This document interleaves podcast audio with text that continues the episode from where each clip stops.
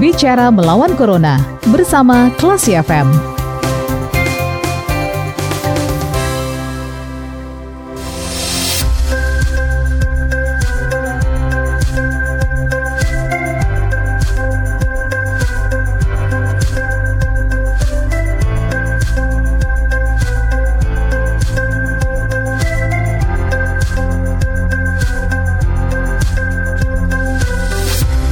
103,4 Kelas FM, this is the actual radio. Classy people, saatnya Anda mencermati Bicara Melawan Corona, masih bersama saya Faris. Dan di spesial edisi lebaran kali ini kita terhubung dengan juru bicara tim Satgas Percepatan Penanganan COVID-19 Sumatera Barat, yaitu ada Bapak Jasman Rizal, yang akan memberikan informasi terkait dengan perkembangan kasus COVID-19 di Sumatera Barat. Tapi sebelum itu kita akan sapa dulu. Assalamualaikum, selamat sore Bapak. Waalaikumsalam warahmatullahi wabarakatuh. Selamat sore semua. Apa kabar Bapak di sore hari ini?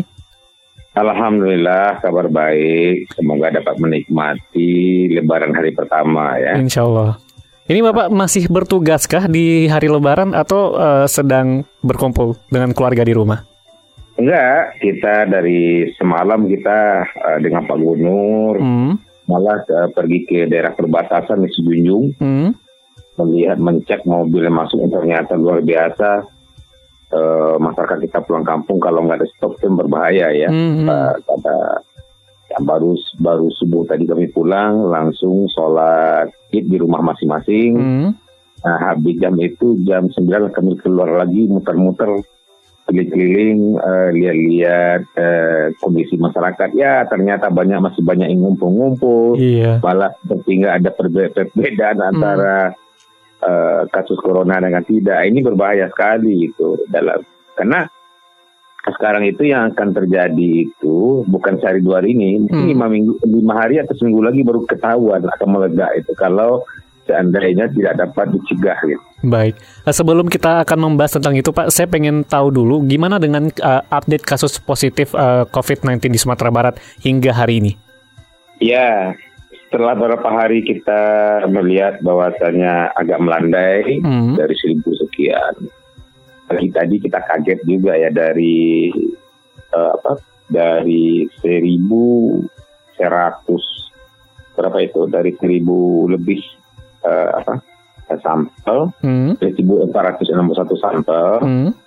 yang dilakukan oleh tim itu diperiksa sampai 22 jam itu luar biasa mereka itu yeah itu itu dapat 35 kasus. Ini adalah kasus tertinggi yang pernah ada di Sumatera Barat.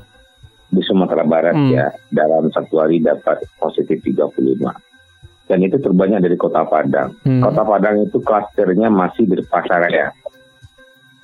Baik. Nah, bayangkan hmm. uh, dari Pasaraya sekarang itu masih banyak 35 orang. Hmm.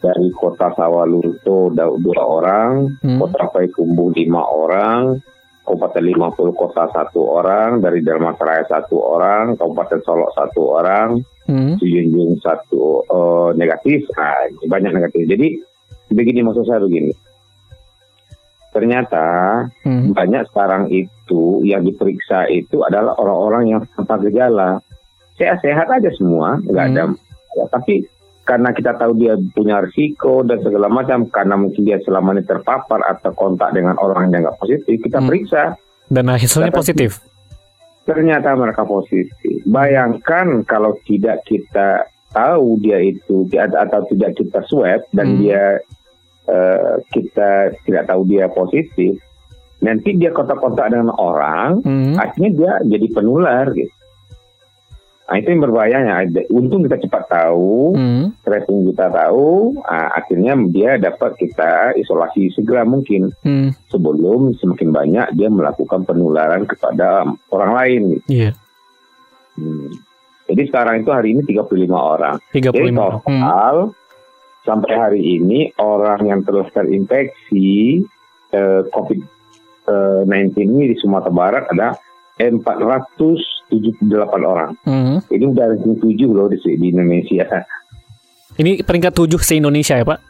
Iya. hmm, hmm. Nah, tapi ini jangan dikhawatirkan. Hmm. Ini artinya kita uh, tim kita telah berjalan dengan tracking yang benar. Hmm. dengan jalur yang benar. Bayangkan seandainya kita tidak lakukan ini dan mereka berkeliaran di luar gimana? Hmm. Kemungkinan bakal meledak nantinya kasus-kasusnya. Hmm. Jadi angka-angka ini semakin banyak itu jangan cemas pula. Artinya hmm. kita berada di jalur yang benar. Karena kita dalam, melakukan tes uh, secara berkala ya Pak.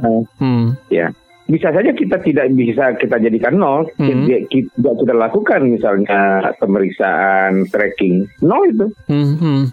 Nah, tapi akibatnya kan gimana? Masyarakat akan terpapar, terinfeksi, banyak nanti yang bergelimpangan di jalan, hmm. segala macam kan ini yang hmm. seperti di Ekuador dan segala macam kan. Hmm. Dan perlu juga dicatat ya, hasil pemeriksaan sampel kita yang 1.400 sekian itu satu hari itu rekor di Indonesia. Hmm. Balik bangkes aja itu baru 1.100. Artinya kita dari Pemprov Sumbar bersama tim semuanya itu sangat serius dalam hal ini. Hmm. Hmm. Nah, kalau satu swab itu kalau dihitung-hitung itu biaya kan 1,8 juta itu. Satu kali tes satu kali tes. Hmm. Nah, bayangkan berapa biaya yang dikeluarkan oleh pemerintah Provinsi Sumatera Barat agar masyarakatnya uh, tetap terlindungi. Nah, hmm. sekarang itu udah lebih dari sepuluh ribu ya hmm. kita keluarkan, kita lakukan swab kepada masyarakat kita. Baik. Nah, jadi ini ya artinya cukup, cukup tinggi lah yeah. persentase pemeriksaan swab kita dibanding daerah lain. Baik, kemudian Bapak uh, karena hari ini Lebaran dan juga Bapak menyampaikan tadi uh, masyarakat sepertinya masih uh, banyak yang berkerumun keluar, kemudian uh, pagi ini masih ada beberapa masjid yang melaksanakan sholat Idul Fitri di masjid. Apakah dugaannya bakal ada nantinya uh, kemungkinan klaster baru ketika uh, sehabis Lebaran ini, Bapak, untuk penyebaran uh, virus COVID-19 ini? Itu yang kita khawatirkan. Makanya mui pemerintah itu mengimbau dengan keras, makanya mengimbau keras supaya jangan dilakukan sholat id hmm. di lapangan dan mengimbau agar sholat itu dilakukan eh, bersama keluarga inti saja di rumah. Hmm. Karena cepat, COVID ini sangat cepat penyebarannya. Kalau dilakukan kita nggak tahu juga di lapangan atau di masjid. Kadang-kadang kita habis pegang ini pegang itu kita nggak tahu apalagi kita kadang-kadang saya masih melihat juga ada yang pakai sama mm. ya, pakai masker lagi aduh nah itu berkemungkinan besar akan ada nanti kluster-kluster baru dan itu akan berkembang mm. Dan itu nanti kita takutnya itu adalah uh, out, outbreaknya ini bahaya nanti dan yang biasanya itu akan diketahui lima hari setelah uh, kumpul-kumpul iya. tadi ya pak hmm lima hari satu minggu lah setelah hmm. inkubasinya mulai ya baru kelihatan ini. Nah itu nanti apa tidak kasihan ada nanti yang tidak sempat dilayani, tidak sempat nanti akan diobati hmm. karena rumah sakit sudah penuh, sudah full. Sekarang aja rumah sakit sudah kewalahan untuk menerima uh, pasien-pasien ini. Hmm. Karena rumah sakit kita dari Pariaman, Bukit Tinggi, Al Mutar, Am Jamil, semua sekarang sudah penuh. Nah itu kan kasihan juga. Nanti kalau seandainya nanti ini terjadi, nah kita nggak tahu lagi dan sampai nanti seperti di daerah luar akan memilih nanti pasiennya. Hmm. Uh, ya, kalau ya terasa ini akan sembuh ya kita kita cepat kita kita tangani. Kalau enggak ya usah. Artinya ventilator juga nanti ventilator yang mudah-mudahan aja kita pilih lagi ya kan bahaya itu. Hmm. Cuma saya nggak tahu kenapa masyarakat kita mesti ngotot gitu ya. Padahal kita udah mengimbau, kita udah melakukan sosialisasi agar jangan melakukan sholat id buat kalaupun memang iya itu ada surat izin pemerintah. Ini banyak yang tidak melakukan, yang melakukan sholat id itu tidak melakukan surat, apa surat izin. Mm -hmm. Nah, surat izin itu adalah yang mengeluarkan adalah dinas kesehatan masing-masing setelah dipastikan bahwa daerah tersebut itu orang itu tidak ada zona hijau dan memastikan tidak ada orang lain yang masuk ke sana gitu loh. Hmm, hmm. Nah, apakah ada jaminan kita melakukan sholat di komplek ada ada orang lain nggak masuk? Baik. Nah ini ini jadi kita uh, istilah Jawa itu kemarin susah kemarin tentang. Gitu. Hmm. Kemudian apa antisipasi yang dilakukan pemerintah terkait dengan uh, dalam tanda kutip kebandelan yang masih dilakukan ini, Pak? Ya paling-paling kita menyiapkan aja rumah sakitnya banyak, tempat tidur rumah jabatan gitu aja lagi. Bagaimana dengan uh, sanksi hukum yang diberikan uh, ke, uh, untuk pelanggar PSBB? sampai sekarang kita nggak ada sanksi hukum itu. Hmm. Itu kan lebih uh, apa ya? Himbauan. itu himbauan, hmm. kesadaran. Kalau sanksi hukum kan nggak ada juga sebetulnya kita hmm. lakukan.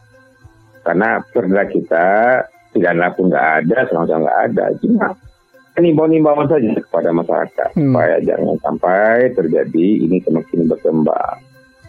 Ya kita seperti eh, yang ditanyakan apa antisipasi di berita? Ya yang paling kita siapkan aja rumah sakit banyak-banyak. Hmm. Kita siapkan dokternya.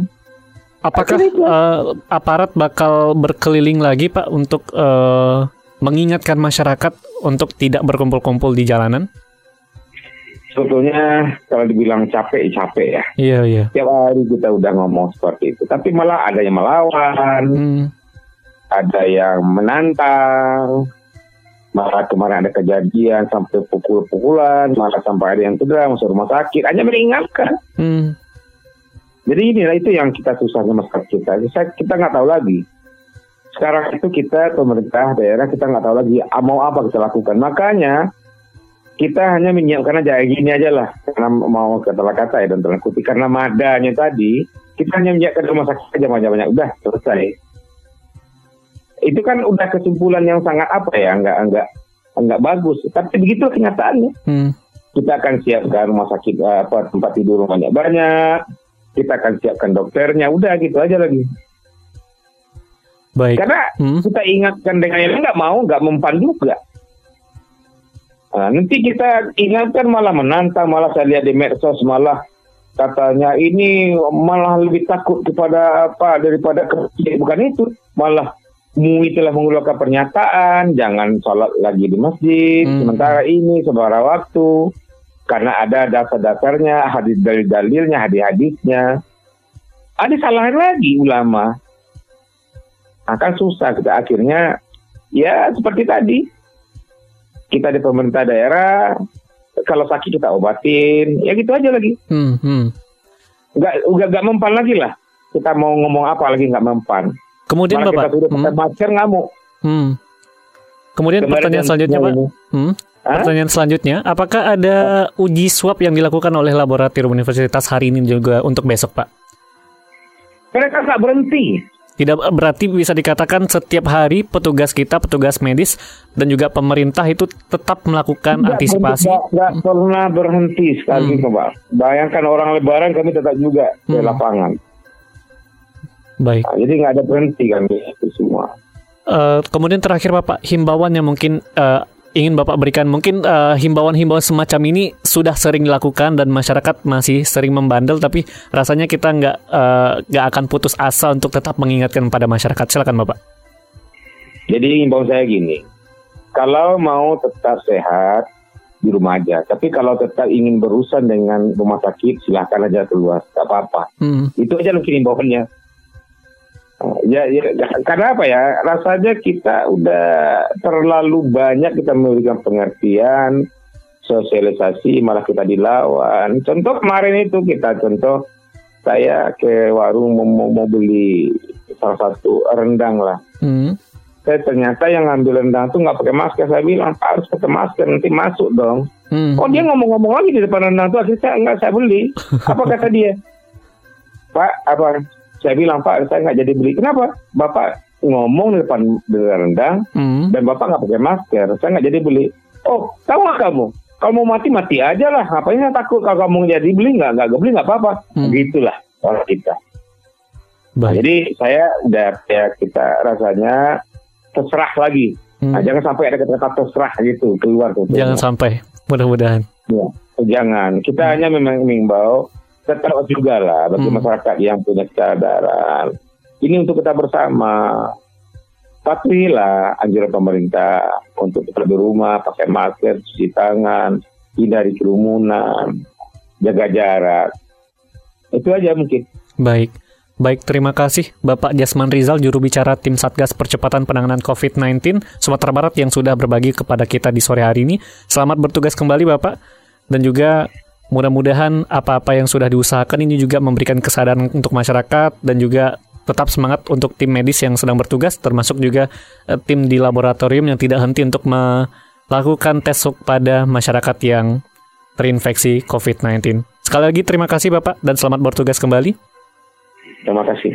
Baik, dan itu dia Class People pembicaraan kita terkait dengan pembahasan mengenai update kasus COVID-19 di Sumatera Barat dan juga adanya kemungkinan klaster baru setelah lebaran ini terjadi dan mudah-mudahan ini juga himbauan kepada masyarakat agar taat terhadap aturan PSBB untuk taat menjaga jarak fisik dan taat jika tidak ada keperluan tidak usah keluar rumah untuk menekan penyebaran COVID-19 khususnya di Sumatera Barat.